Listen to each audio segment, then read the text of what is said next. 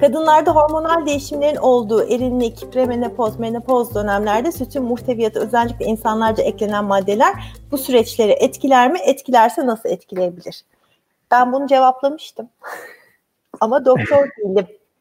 ya şöyle e, ben genelde her konuya işim düştükçe detaylı inceliyorum. Bu da e, premenopoz ve menopoz çok hakim olduğum bir konu değil ama bildiğim bir şey var. O da şu ki e, kronik östrojen maruziyeti çok riskli bir durum. E, o yüzden siz yani sütü nereden alırsanız alın, keçi, inek, e, yani 1-2 yaşından sonra insan sütü de içmeye devam etseniz aslında hayat boyu östrojene maruz kalmak hem bazı kanserler açısından hem de menopoz açısından büyük bir risk.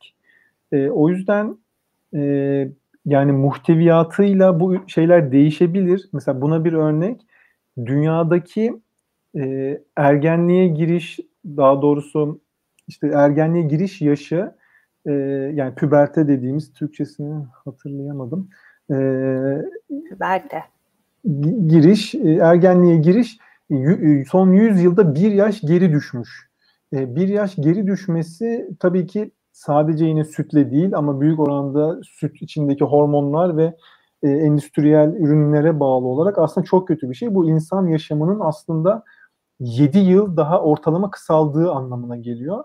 Aslında insan yaşamı uzuyor olarak görüyoruz biz. Çünkü daha hala potansiyeline erişmediği için uzuyor olarak görüyoruz. Normal şartlarda tüm canlılar ergenliğe girme yaşının 7 katı kadar yaşıyor ortalama. E, bu insan için ortalama 105-120 arasında denk geliyor. Nitekim uzun yaşayan insanlar da bu bantta yaşıyor zaten. Biz şimdi 79'dan 80'e çıkınca insan yaşamı uzadı diye düşünüyoruz ama aslında daha hala yaşı uzayacak çok yeri var ve bu potansiyeli e, belki böyle giderse hiç yaşayamayabilecek. Evet o aradığımız kelime buymuş. Erinlikmiş bu arada. Ya bir de şöyle bir şey diyeceğim hocam. Katılır mısınız? Yani böyle her şey çok spesifik olarak araştırılamamış olabilir. Böyle araştırmalar tasarlanamıyor da olabilir. Ya da elimizde hali hazırda araştırılmışı da olmayabilir. Ama zaten yani şöyle çok genel olarak mantık mantıkla bakınca e, bebeği için yapmış olduğu bir anne hayvanın süt ve içinde birçok hormon var ve vücut bir bütün. Yani hormon alıyorsan başka bir canlının hormonunu alıyorsan bir yerlerde bir dengeyi bozuyor olma ihtimalinin zaten çok büyük diyemez miyiz? Sevgili insanlar buzağı değilsiniz, keçi yavrusu değilsiniz, kuzu değilsiniz. Değilsiniz. insan yavrusunuz sonra da yetişkin insansınız. Arada bir de işte ergensiniz filan ama hep insansınız. Sevgili insanlar hep insansınız diye bir cümle Pazara gittiğimizde hep hormonlu meyvelerden ha. kaçar insanlar. Oysa orada oradaki meyvelerde e, tam anlamıyla bir hormon bile yoktur. Orada sadece bir hibrit tohum teknolojisi var ama hormonlu meyve yemiyorum ben deyip eve gidip e, peynir yemesi gerçekten çok komik. E, ya da işte cips yemiyorum ben trans yağ içeriyor deyip sonra gidip evde doğal adı altında yoğurt ve peynir yiyor olması da aynı şekilde yine trans yağdan kaçamadığının bir göstergesi. Evet. Ee, ve bu arada hayvanlar için yani hayvan sanki işte pestisitler ya da hormonlar e, bitkilerde var da hayvanlarda yok gibi bir algı var. O hayvanlarda gökten zembille inmiyorlar. Onlar da bir şeyler yiyorlar. Hatta ülkemizde de hayvan yemlerine GDO serbest. insan gıdalarında yasak. Böyle de bir durum var yani. Hayvanlar aracılığıyla o kaçındıkları şeyleri alıyor birçok insan. Spor yapanlara protein ihtiyacı için ciddi bir şekilde whey protein dayatması var. Çünkü spor salonu çünkü demeyeyim de yani spor salonlarının birçoğu da bu ürünü satmaya başlayınca öyle de bir şey oluyor. Oradaki spor hocası da o ürünü e, pazarlıyor oluyor birçok yerde vesaire. Bu konuda galiba geçen yayınımızda da konuşmuştuk. Ama madem bu soru gelmiş ve protein, süt, whey tam olarak aynı maddeden olduğu için. Buyurun. Şimdi şöyle, e, whey dediğimiz şey peynir altı suyu aslında bir e, atık ürünü peynir teknolojisinde.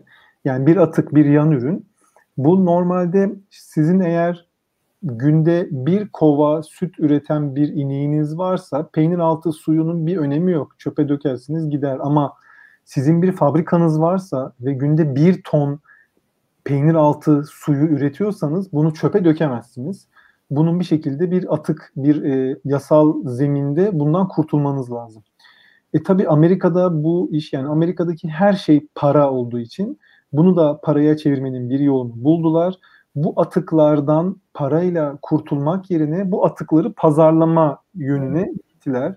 Bu her pazarlama ve marketing olayında olduğu gibi aslında burada e, krizi fırsata çevirdiler gibi diyebiliriz. Ve aslında bir pazarlama ürünüdür. İçinde protein olması, kolada su olması gibi hep aynı örneği veriyorum ama içinde sadece protein var. Hiçbir şekilde faydalı bir şey değil. E, gereksiz, saçma bir protein ve bu atıklardan kurtulmamak için, kurtulmaktansa bunu paraya çevirmenin bir e, sonucu evet o da bu o yüzden böyle pompalanıyor büyük işte kaslı fotoğraflı e, erkek kaslı erkek fotoğraflarının olduğu kutularda insanlara satılıyor protein alırsanız büyürsünüz diye. Oysa yine spor e, ve kas videomda da bunu anlattığım gibi kas yapmanın en önemsiz komponentlerinden biridir protein. Daha önemlileri su, glukojen, beyin her şey etkili ama protein en önemli kas yapan şey değil. Ee, The Game Changers belgeselinde izlemeyen varsa Netflix'ten önerelim. The Game Changers bu arada benim duyduğum sağdan soldan veganlıkla hiç alakası olmayan, etik tarafla hiç alakası olmayan, spor yapan ve spor yaptığı için hayvansal besin tüketmemeyi aklının ucundan bile geçirmeyen insanlar veganlık deniyorlar. Böyle çok örnek duydum ve bu beni çok mutlu ediyor. Benim Biraz başıma geleni söyleyeyim. Ben anlatıyorum yıllardır arkadaşlarıma bakın bu bu yüzden zararlı, bu bu yüzden şöyle, bu böyle diye. Aynı insanlar bana gelip Game Changers izledin mi diyor. ya ben onları size zaten iki yıldır anlatıyorum orada anlatılanları.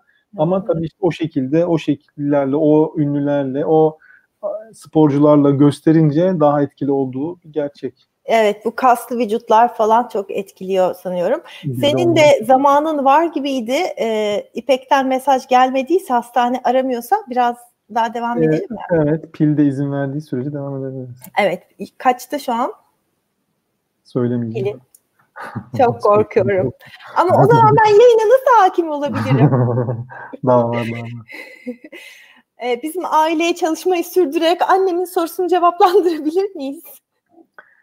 E, bitkisel süt e, hayvansal sütün yanında çok masum bir şey olmakla birlikte rutin hayatımıza konmaması gereken bir şey olduğunu düşünüyorum. Eğer e, marketten satın alıyorsanız. Paketler ama için ev, diyeceksin. Ha, evet. evet paketler için ama evde eğer kendi bademinizden ya da aldığınız bademden veya yulaftan veya işte pirinçten neyden yapıyorsanız e, bununla ilgili bir limit söz konusu değil. Karnınız doyana kadar e, tüketebilirsiniz. Evet. Ama e, her zaman yani bir şeyin suyunu sıkmak, bir şeyin e, içinden özütünü almak e, içindeki lifleri ve posasını kaybetme ihtimalinizi arttıracağı için e, doy, sizi doyurma ihtimali düşürecektir. O yüzden bunu bir ana yemek olarak gibi veya ana besin kaynağı olarak gibi hiçbir zaman düşünmemek lazım.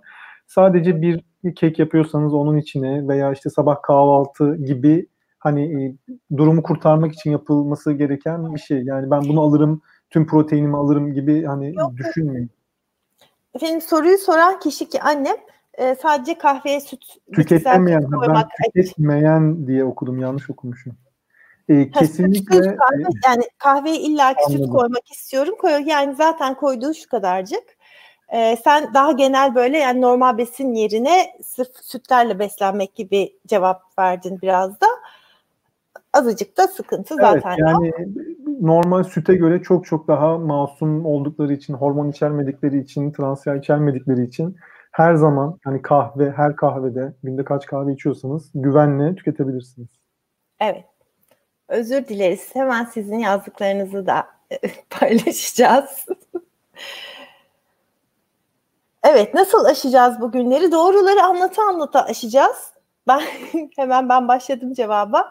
Mesela yani bugün, işte e, şeyde e, Golden Globe'da ve galiba Oscar'larda da. Evet şimdi Oscar'larda da bütün millet yüzde yüz vegan. inanılmaz bir e, yani paradigma kayması gerçekten evet, evet. E, çok Şahane büyük etkisi olacak. Yani seneye bugünlerde çok daha farklı şeyler konuşuyor konuşacağımızı ben eminim. Yani e, sen benden daha eski bir e, vegansın, daha da yokluk zamanlarını bilirsin ama ben vegan olduğumda bile bulunduğum yerde yemek sepetine vegan yazdığım zaman iki yer çıkarken yani iki ürün çıkarken şu anda 12 ürün çıkıyor. Bu sadece 2,5-3 sene içerisinde oldu ve e, hızla yani logaritmik bir artışla gidiyor şu anda. Hem vegan ürünler hem veganlık yani e, bu, bu bu şekilde aşılacak. Yani başka bunun bir yolu olamaz. Müthiş bir hızla gidiyor. Canan Karatay veganlar tahıl beyinleri falan dediğinde mesela Suat şöyle bakıyordu olaya. Videolarında da bir tanesinde bahsetmiştin yanlış hatırlamıyorsam. Bu çok iyi bir haber çünkü hani bu kadar popüler bir kadın tabii ki veganlıkla ilgili daha doğru bilgi paylaşsa daha iyi olur. Bu cümleyi söylemiş birini hatırlamıyorum. Şu anda onu ben biraz yorum olarak ekledim. Ama medyaya, Türk medyasına nihayet veganlık taşındı ve bununla ilgili birçok haber yapılmaya başlandı. İnsanlar araştıra araştıra doğruyu illaki bulacaklar. En azından hani konu toplumsal düzeyde e, kamunun ilgisini çekecek bir seviyeye geldi şu anda. Ya ben şöyle söyleyeyim, e, bir vegan blog yazma e, planım vardı ve bunu insanlara e, her gün bir şey bulabilir miyim diye uğraşıyordum. Canan Karatay'dan önce gerçekten bununla ilgili bir haber bulamıyordum. Yani veganlıkla ilgili dünya basınında tarıyordum ve böyle bir haber çok nadir yani haftada bir yabancıda da yani öyle bir hani veganlıkla ilgili bir haber bulmak kolay değil. Yani yabancı basında oluyordu da Türklere anlatabileceğim, onların ilgisini çekebilecek anlamında bir haber bulamıyordum. Ne zaman ki Canan Karatay veganlara laf etti, neredeyse her gün her yazılı basında, görsel basında, YouTube'da her yerde mutlaka vegan içerikli, olumlu veya olumsuz mutlaka bir konu var. Yani bu tabii ki şuursuzca bahsedilmesi iyi bir şey olmamakla birlikte şuurlu insanların araştırmaya da teşvik ediyor evet. olduğu için ben sevindim ve gerçekten bugün gelinen noktada Canan Karatay'ın da bir etkisi olduğunu düşünüyorum. Kim derdi ki buradan Canan Karatay'a bir teşekkür sunacağım. Evet evet aynen ben de katılıyorum aşağıdaki yoruma. Evet. Ee, ne yapsak? Hamilelik bunda okumadan attım. Mehmet hoş geldin İstanbul'a bu arada. Vegan ben de ben şu anda İstanbul'dayım diye bir an burada yaşamadığımı Sen hoş geldin. Ben hoş geldim burada yaşamadığımı unuttum gerçekten. Ee, o sizin harikalığınız. Bir tane şurada bir vegan kişinin sonuçları vardı. Vegan olduktan sonra kolesterol normale döndü. HDL 90, LDL 95, trigliserit 35. Sağlığımı sizlere borçluyum.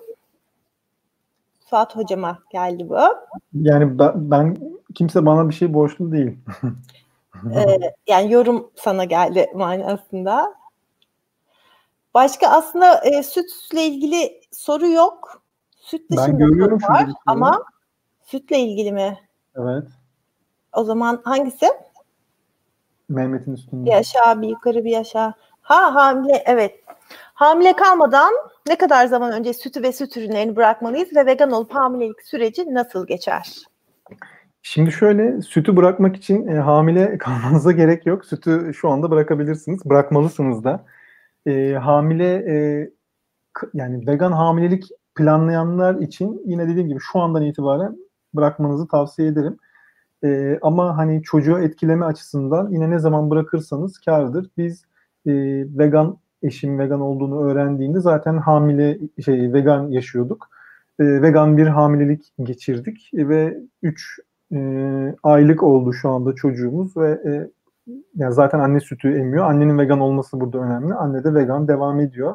Herhangi bir büyüme gelişme problemi yok. E, kan değerleri ve tüm vital bulguları yani işte hayatsal verileri normal. Yanaklar e, şiş, e, boyu uzuyor. Yani her şey olması gerektiği gibi gidiyor. E, bununla ilgili bir internet sitem var veganbebek.com. Oradan e, detaylı bilgileri okuyabilirler. Ekşi Sözlük'te 16 sayfa e, linç yemiş vegan bebek. Geçen gün tesadüf ettim. E, ona da belki bir gün bir video çekmek. Ben de yeni okudum. Bana da Eda söylediğini okudum. Gerçekten şahane. e, bu arada bir burada geçen konuşmaya müdahale etmek istiyorum. Dear Lovely e, Berna Hanım B12'sinin normal düzeyde olduğunu söyleyince alıyor musunuz demiş. Berna Hanım da kullanmayın öyle şeyler demiş ama e, o da teşekkür ee, ederim. Burada Aranızda bir... konuşmanız çok şeker ama B12 ile ilgili Şimdi B12 e, alma demek herkes için doğru değil. Çünkü herkesin bünyesi şu açıdan farklı bir insan hayat boyu hiç B12 almadan veya B12'li ürün tüketmeden B12 eksikliğine düşmeyebilirken başka bir insanın vücudu B12 eksikliğine düşebilir. Bunun sebebi e, bağırsak sisteminizdeki bir geri dönüşüm mekanizmasına B12'nin giriyor olması yani sonsuza kadar bir döngüye girebilir ama buradaki eğer emilim oranı düşükse ki bu yapısal bir şey, genetik bir şey bunu bilmeniz mümkün değil. Bu yüzden sizinki düşebilir. Hiç almayacaklar için e, bak baktırmayı tavsiye ederim. Düştüğü zaman alınabilir ama hiç baktırmayacaklar için en azından haftada bir kez e, almayı tavsiye edebilirim. Bunun yanında hazır takviye demişken D vitaminini de ister vegan olun ister olmayın.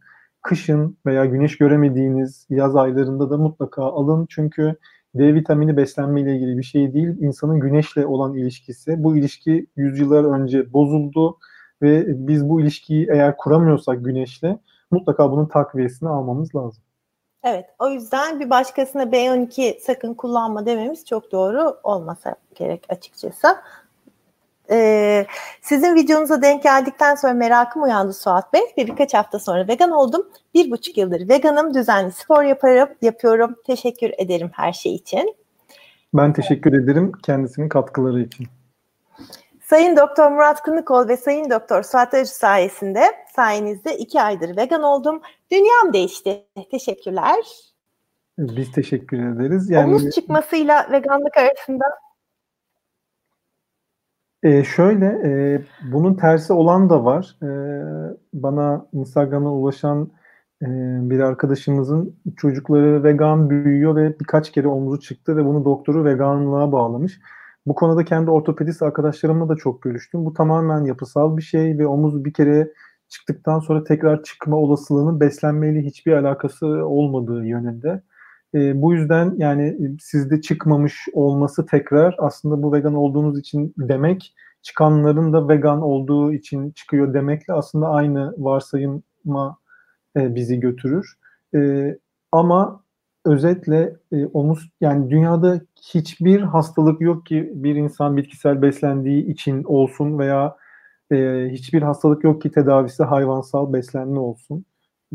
Bu zaten hepsine cevap vermiş gibi olur. Berna Hanımcığım asla öyle bir e, niyetimiz yoktu. Sadece e, B12 çok sorulan bir konu. Daha önceki yayında da bahsetmiştik. Biraz orada bir nokta var diye onu ayrıntılandıralım dedik.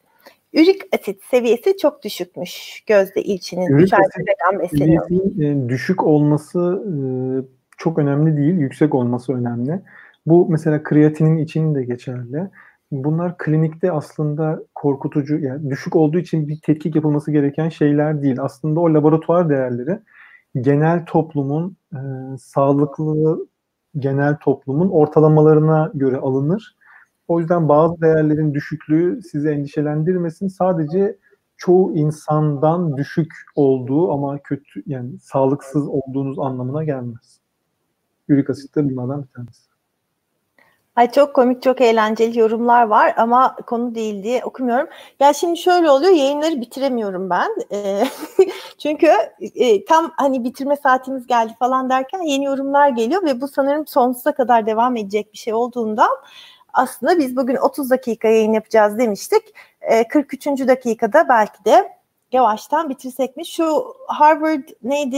E, Processed Milk Study miydi? Öyle bir şey vardı. O konuda bir şey söylemek ister misin? İlk yorumlardan biriydi. Evet onu da söyleyeyim. Yani bu e, etten klonlayarak üretilen e, yani bitkisel olan tadı benzeyenler değil de etten üretilen, e, hiçbir hayvana zarar vermeden üretildiği iddia edilen etlerle ilgili e, iki bakış açım var bu konuya. Öncelikle bunu ümit verici buluyorum ve destekliyorum. Neden? Çünkü dünyada siz ne kadar anlatırsanız anlatın et yemeye devam edecek bir kesim var ve bu kesim e, hayvancılığın dünyaya olan zararları umurunda değil ve hiçbir zaman da umurunda olmayacak. E, hayvancılığın dünyaya olan zararlarını e, ortaya ortadan kaldırmak açısından çok anlamlı buluyorum. Ama bunun yanında bunların sağlıklı olduğunu söyleyemem. Çünkü ne içerdiklerini bilmiyorum ama hep açıklanan içeriklerine baktığımız zaman yine doymuş yağ ağırlıklı e, sanayi ürünleri aslında bunlar. O yüzden bunların bizi iyileştireceğine veya iyi geleceğine asla ikna olamıyorum. Sadece gerçek e, hayvansal burgerlerden veya etlerden daha masum olabilirler. E, ama hiç kimseye ben lütfen bunları ye senin için iyi gelecek diyeceğimi bir gün sanmıyorum. Son iki soruyu soruyorum. E, alta daha fazla yorum gelirse ya da işte kaçırdığımız çok spesifik kendisiyle ilgili yazan birkaç kişi oldu. Onları videonun altına normal yorum olarak bu video çünkü YouTube'da kalıyor olacak. Oraya yazabilirsiniz. Daha sonra biz yine bir ara bence Mutlu Suat kanalında yayın yaparız. Şenay Akyıldız hangi ülkede yaşıyorsunuz? Ben onu merak ettim çünkü marketten badem sütü alıyorum demişsiniz. Hani niye tavsiye etmiyor Suat diye sormuşsunuz. Devamında içinde sadece badem su ve deniz tuzu var demişsiniz. Ben Türkiye'de satılan böyle bir bade, hazır badem sütü bilmiyorum. Sen şöyle, herhalde içindeki diğer maddeler için söylemiştin onu. Ya ben şöyle söyleyeyim bir fabrikadan gelen ve son tüketim tarihi olan ürünlerin hepsine şüpheyle yaklaşmamız lazım. Eğer o fabrikada o ürünü siz paketlemiyorsanız veya bir tanıdığınız paketlemiyorsa her zaman şüpheyle yaklaşmak lazım. Mutlaka ki kimileri çok masumdur, kimileri çok zararlıdır ama iş ticari boyuta ulaştığı zaman hele ki butik üretimden çıkıp iyice e, yani devasa boyutlara ulaştığı ulaştığı zaman bazı kar getirici hareketler yapmamız lazım. E, bu yüzden şüpheyle yaklaşmak gerektiğini söylüyorum. Hepsinin zararlı olduğu gibi bir iddiam yok olamaz da. Bunların hepsini açıp teker teker e, bilimsel e, e, biyokimyasal olarak incelemek lazım. Benim demek istediğim şey şu, evde yapabiliyorsanız bu çok daha sağlıklı ve masumdur. Eğer marketten alıyorsanız evet belki içinde bunun D vitamini B12 vardır ama onları koyarken bu iş doğallıktan çıkıyor. E, sanayi tipi bir üretime geçiyor ve burada da bir şüphe e, duyuluyor. Demek istediğim bu. Hı hı. Ben de ee, bunu ilk defa duyuyor ama bunun galiba şey kreması. Vardı, ha, vardı sonra bir ara birkaç sene önce piyasadan kalkmıştı sonra şimdi demek ki tekrar gelmiş ama içinde hiç koruyucu vesaire olmaması mümkün mü? Ben şaşırdım ona. Sadece su, badem ve deniz tuzu olması iyiymiş. Okey. Ve son yani olarak... etiket okuma alışkanlığını kazanmak bence çok güzel. Yani burada belki onu vurgulamış olabiliriz. Dediğim gibi hepsi zararlıdır demiyorum ama etiket mutlaka okumak lazım. Ne içerdiğini bakmak, içerdikleri o yazılan küçük yazıların anlamlarını bilmek ve belki en masumunu tercih etmek en akıllıcası olacak.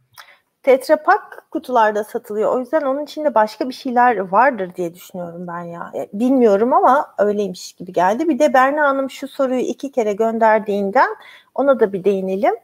Ee, yani boş verin sütü zaten nasıl arttırılıyorsa arttırılıyor bence. Ama e, e bu normal dışı bir şekle getirildiği için zaten normal dışı bir içecek. Yani onlar süt değil bu arada onu da söyleyeyim. Yani e, süt içmenin e, hani vegan olmasak bile veganlık daha keşfedilmemiş olsa bile, tanım yapılmış olsa bile süt içmenin sağlıklı hiçbir yolu yok. Anne süt, anneyi anneden almak dışında.